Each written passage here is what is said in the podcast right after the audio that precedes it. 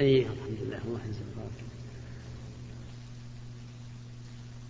الحمد لله رب العالمين وصلى الله وسلم على نبينا محمد وعلى آله وأصحابه والتابعين لهم بإحسان إلى يوم الدين. أما بعد فهذا هو اللقاء الثاني والأربعون بعد المئة من لقاءات الباب المفتوح الذي يتم كل يوم خميس وهذا الخميس هو العاشر من شهر رجب. عام سبعة عشر وأربعمائة وألف. نبدأ فيه كالعادة في تفسير ما تيسر مما وقفنا عليه في سورة الذاريات. قال الله تبارك وتعالى وفي السماء رزقكم وما توعدون. نعم. قال الله تعالى وفي تعال هنا تعال. قال الله تعالى وفي الأرض آيات للموقنين.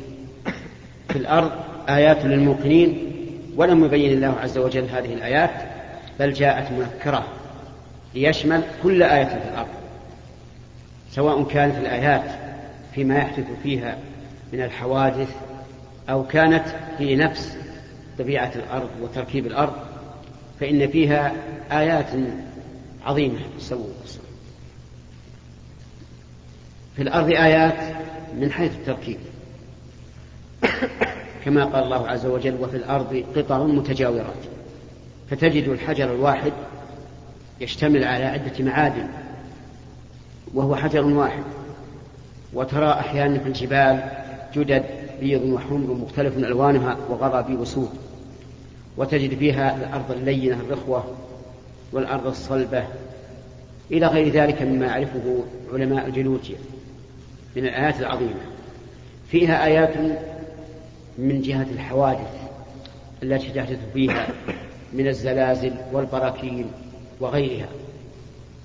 فيها آيات أيضا من جهة طبيعة الجو من حر وبرد ورياح عاصفة ورياح باردة ورياح دافئة وغير ذلك مما إذا تأمله الإنسان عرف بهذا قدرة الله عز وجل من جهة آه، عرف قدرة الله تعالى من جهة وعرف حكمته ورحمته أيضا من جهة أخرى. لأن آيات الله سبحانه وتعالى يتبصر بها الإنسان لا من حيث القدرة والعظمة بل حتى من حيث الحكمة والرحمة. لأن كل شيء تجده مناسبا لمكانه وزمانه وكل شيء تجده من آثار رحمة الله تبارك وتعالى. المهم أن كلمة آيات نجد أنها نكرة عامة لكل ما يحدث في الأرض من آيات ولكل ما فيها من طبيعتها وتركيبها وغير ذلك آيات للموقنين أي لمن أيقن بوجود الله عز وجل وعظمته وجلاله. أما من شك والعياذ بالله فإنه لن ينتفع بهذه الآيات بل قد تكون هذه الآيات ضررا عليه فإن الآيات الكونية والشرعية. قد تكون خيرا للإنسان وقد تكون شرا. واستمع إلى قول الله تبارك وتعالى وإذا ما أنزلت السورة يعني من القرآن. فمنهم من يقول أيكم زادته هذه إيمانا؟ فأما الذين آمنوا فزادتهم إيمانا وهم يستبشرون. وأما الذين في قلوبهم مرض فزادتهم رجسا إلى رجسهم وماتوا وهم كافرون. كذلك الآيات الكونية من الناس من ينتفع بها ويستدل بها على ما فيها من آيات الله عز وجل. و ومن الناس من يكون بالعكس يؤديه ما يجد في الآيات إلى الإلحاد والعياذ بالله. وفي الأرض ولهذا قال في الأرض آيات للموقنين. يعني لا لكل إنسان بل للموقن. أما الشاق والمتردد والكافر فإنه لن ينتفع بهذه الآيات. وفي الأرض آيات للموقنين. وفي أنفسكم أيضا في أنفسكم آيات. أفلا تبصرون؟ وآيات هنا محذوفة. ولهذا نقول في الإعراب في أنفسكم جار ومجرور خبر لمبتدأ محذوف والتقدير وفي أنفسكم آيات. والحكمة والله أعلم ونحن في علمنا القاصر نظن أن الله حذف هذه الآيات لأنها أمس بالإنسان من الأرض وأدخل بالإنسان من الأرض لأنها هي في نفسه في أنفسكم آيات. آيات النفس. ليس في تركيب الجسم فحسب وليس ما فيما أودعه الله تعالى من من القوى فحسب بل حتى في تقلبات الأحوال الإنسان تجده يتقلب من سرور إلى حزن ومن غم إلى فرح وتقلبات عجيبة عظيمة. حتى أن الإنسان في لحظة يجد نفسه متغيرا. وأحيانا يجد نفسه متغيرا بدون سبب. يكون منشرح الصدر واسع البال مسرورا وإذا به ينكتم ويغتم بدون سبب. أحيانا بالعكس. هذا بالنسبة للأحوال النفسية. كذلك أيضا بالنسبة للإنسان بالأحوال الإيمانية وهي أعظم وأخطر. تجد الإنسان في بعض الأحيان يكون عنده من اليقين ما كأنه يشاهد أمور الغيب مشاهدة حسية. كأنما يرى العرش كأنما يرى السماوات كأنما يرى الملائكة كأنما يرى كل ما أخبر الله به من الغيب. في بعض الأحيان يقل هذا اليقين. يقل لأسباب قد تكون معلومة وقد تكون غير معلومة. لكن من الأسباب المعلومة قلة الطاعة. فإن قلة الطاعة من أسباب ضعف اليقين. إذا قلت طاعة الإنسان ضعف يقينه قال الله تعالى فإن تولوا فاعلم أنما يريد الله أن يصيبهم ببعض الذنوب. وهناك أيضا أسباب لا يدري الإنسان ما هي. ومنها اللهو والغفلة. ولهذا قال الصحابة للرسول عليه الصلاة والسلام إن إذا كنا عندك وذكرت الجنة والنار فكأنما نراها رأي عين فإذا ذهبنا إلى أهلنا وعافسنا الأولاد والأهل ما أشبه أو كما قالوا يعني نسينا وهكذا الإنسان. كلما لها الإنسان قل يقينه وقل إيمانه ومن ثم نهى الشرع عن الألعاب واللهو الباطل الذي يزداد به الإنسان بعدا من الله وتفكيرا في آيات الله. نعم بعدا عن طاعة الله وعن التفكير في آيات الله. أيضا في النفس فيها آيات في نفوس في نفوس الناس. من الناس من تجده هينا لينا طليق الوجه مسرورا كل من رآه سر بوجهه وكل من جلس إليه زال عنه الغم والهم. ومن الناس من هو بالعكس قطوب عبوس بمجرد ما تراه لو كنت مسرورا لأتاك الحزن والسوء هذا أيضا من, من آيات النفس. وهي كثيرة جدا. ومن أراد المزيد من هذا والاطلاع على ما في قدرة والاطلاع على قدرة الله تعالى فيما في أنفسنا من من من الآيات فعليه بمطالعة كلام ابن القيم رحمه الله في مفتاح دار السعادة. يجد العجب العجاب وكذلك أيضا في كتابه الصغير وهو كبير في المعنى وهو التبيان في أقسام القرآن. ذكر من ذلك العجب العجاب. أفلا تبصرون؟ الاستفهام هنا للتوبيخ والإنكار. كأنما يقول الله عز وجل أبصروا في أنفسكم تبصروا تأملوا تفكروا. فإذا لم تعرفوا هذه الآيات فأنتم لا تبصرون. فيكون الاستفهام هنا ليش؟ للتوبيخ وإيش؟ والإنكار. أن لا نتبصر. وهو دعوة من الله عز وجل لعباده أن يتبصروا في الآيات. إذا لم تتبصر في الآيات فاعلم أنك محروم. قال الله تعالى وما تغني الآيات والنذر عن قوم لا يؤمنون. إذا إذا لم تنتبه بالآيات فاعلم أنك محروم وأن إيمانك ناقص. وما تغني الآيات والنذر عن قوم لا يؤمنون. فعليك يا أخي أن تتفكر في آيات الله. في آيات الله الكونية وما في هذا الكون العظيم من من من آيات الله الدالة على عظمته وسلطانه ورحمته وحكمته وكذلك في آيات الله الشرعية. ومن فتح الله عليه في الآيات الشرعية ينتفع بها أكثر مما ينتفع بالآيات الكونية. إذا تأمل ما أخبر الله به عن نفسه من الأسماء والصفات والأفعال والأحكام ازداد إيمانا بالله عز وجل. وعرف بذلك الحكمة والرحمة. إذا تأمل فيما أخبر الله به عن اليوم الآخر وما يكون فيه من ثواب وعقاب وجزاء وحساب أيضا ازداد إيمانا بالله. وكلما تأمل الإنسان في آيات الله الشرعية ازداد إيمانا. وبعض الناس الموفقين يكون ازدياد إيمانه بالآيات الشرعية أكثر من ازدياد إيمانه بالآيات الكونية. أما الإنسان الذي يفتح الله عليه في هذا وهذا فيا حبذا وفي أنفسكم أفلا تبصرون وفي السماء رزقكم وما توعدون. السماء فيه رزق. فما رزقنا هذا؟ ذهب كثير من العلماء أن المراد بالرزق هنا المطر. لأن الله تعالى قال هو الذي يريكم آياته وينزل لكم من السماء رزقا وما يتذكر إلا إلا من يريد. فقال في السماء رزقكم أي المطر. وسمي المطر رزقا لأنه سبب للرزق.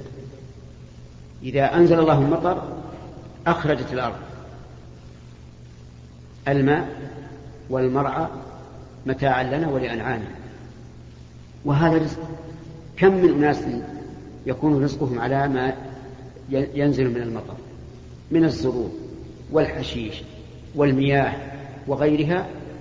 بل إن الله تعالى قال أفرأيتم الماء الذي تشربون أأنتم أنزلتموه من المزن أم نحن المنزلون هل أحد يستطيع أن ينزل من المزن ماء؟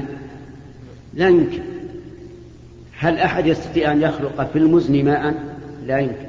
الله وجل الله عز وجل هو الذي يتولى ذلك. هذا هو مادة الرزق لولا الماء لهلك وتأمل قوله تعالى أأنتم أنزلتموه من المزن أم نحن المنزلون؟ لو نشاء جعلناه أجاجا. فلولا تشكرون. لم يقل لو نشاء لم ننزله مع أنه لو, لم لو شاء لم ينزل. لكن قال لو نشاء جعلناه أجاجا. يعني لو نشاء أنزلناه لكن جعلناه أجاجا مالحا لا يمكن أن يشرب. وحسرة الإنسان على ماء بين يديه ولكن لا يستطيعه ولا يستسيغه أشد من حسرته على ماء مفقود لأن ماء موجودا لا تنتفع به ولا تستطيع شربه أشد حسرة من ماء مفقود. ولهذا ذكر الله هذه الحال.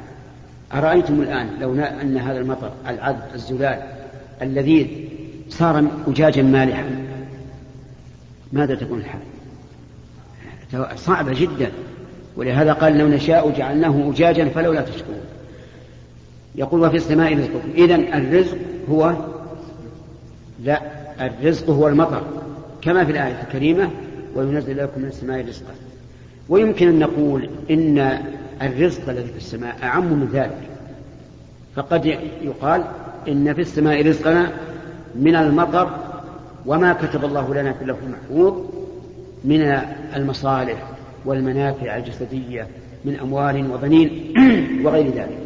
فيكون, فيكون هذا القول أشمل وأعم واعلم أن أنه ينبغي أن يراعي المستدل بالقرآن والسنة أن يراعي قاعدة مفيدة وهي إذا فسرنا النص القرآني أو النبوي إذا فسرناه بمعنى أقل وفسرناه بمعنى أعم فأيهما نأخذ؟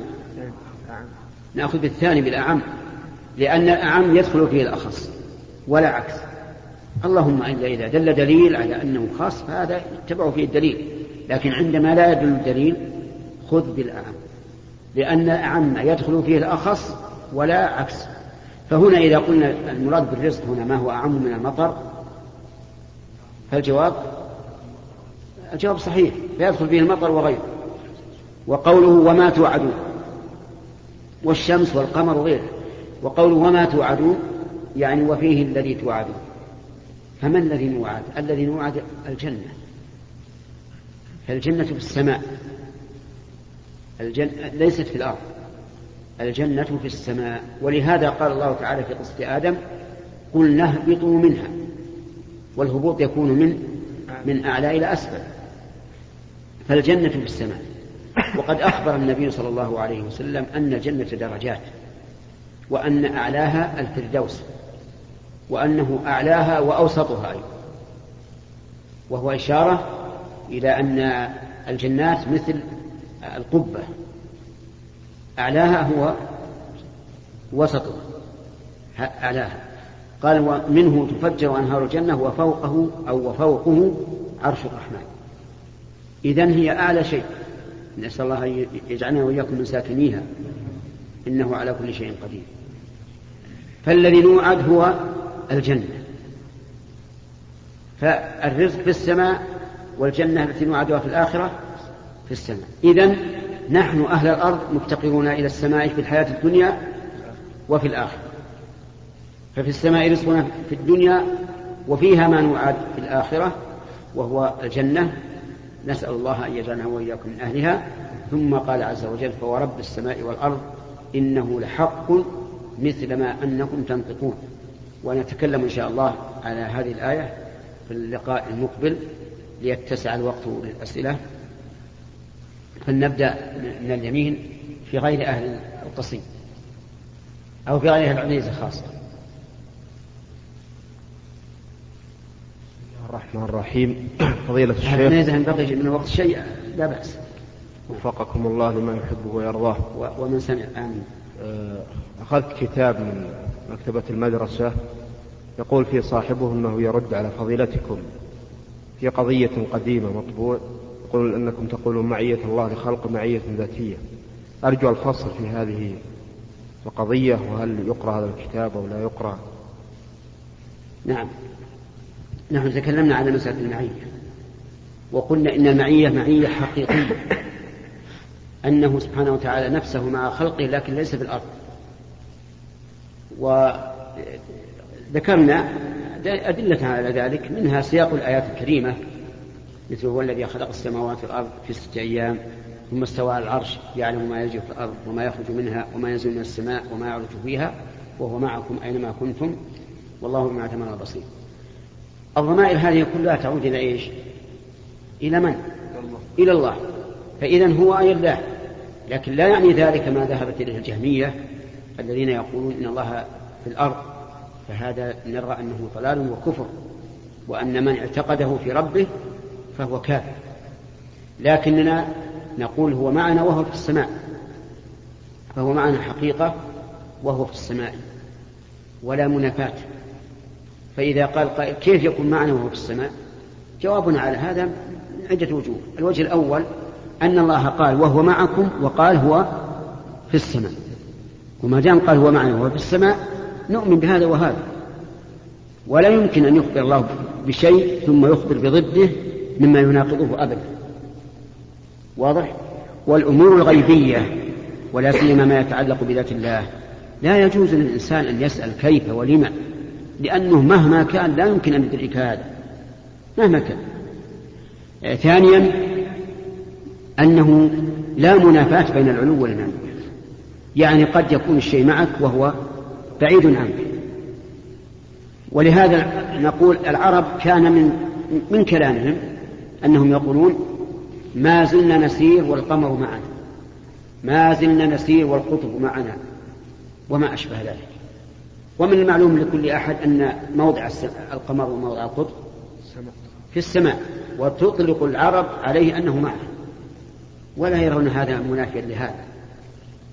وإذا كان لا لا منافاة بين العلو والمعية في حق المخلوق ففي حق الخالق من باب أولى.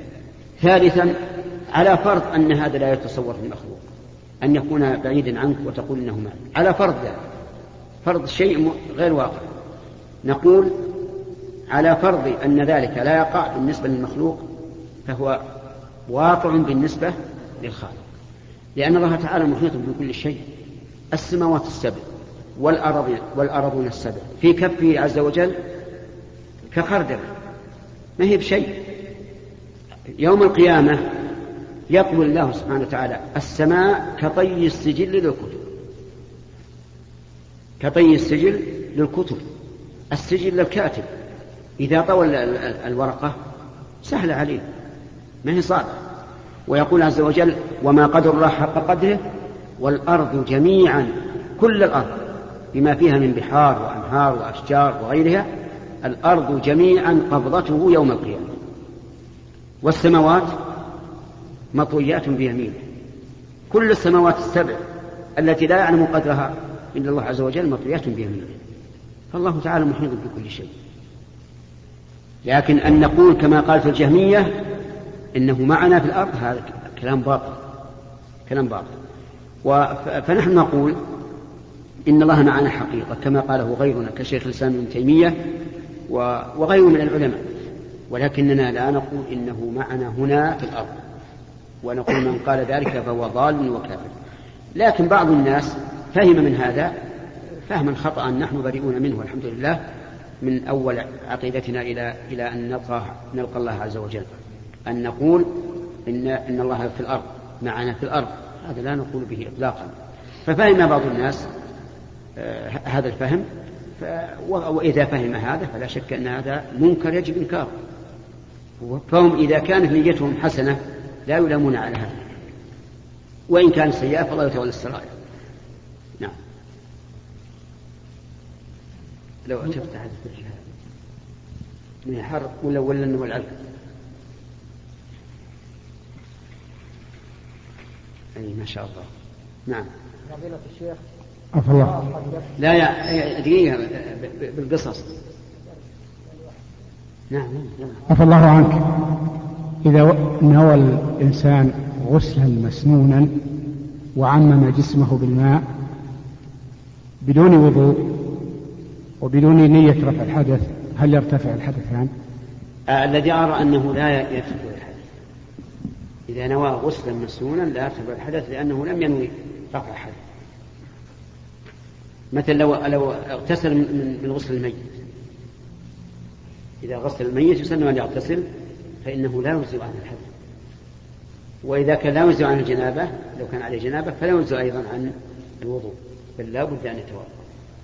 كما أن غسل الجمعة وهو واجب فيما نرى لا يجزئ عن الوضوء لأن غسل الجمعة ليس عن حدث وإنما هو للتطهر كما قال الرسول صلى الله عليه وسلم لو تطهرتم يومكم هذا فهو لا يجزي عن الوضوء الذي يجزي عن الوضوء هو غسل الجنابة فقط. فضل الشيخ بارك الله فيكم. سمعت أحد المشايخ يقول إن له أنه لا يجوز دعوة غير المسلمين بغير اللغة العربية. واستدل بكتاب الرسالة الإمام الشافعي رحمه الله عليه.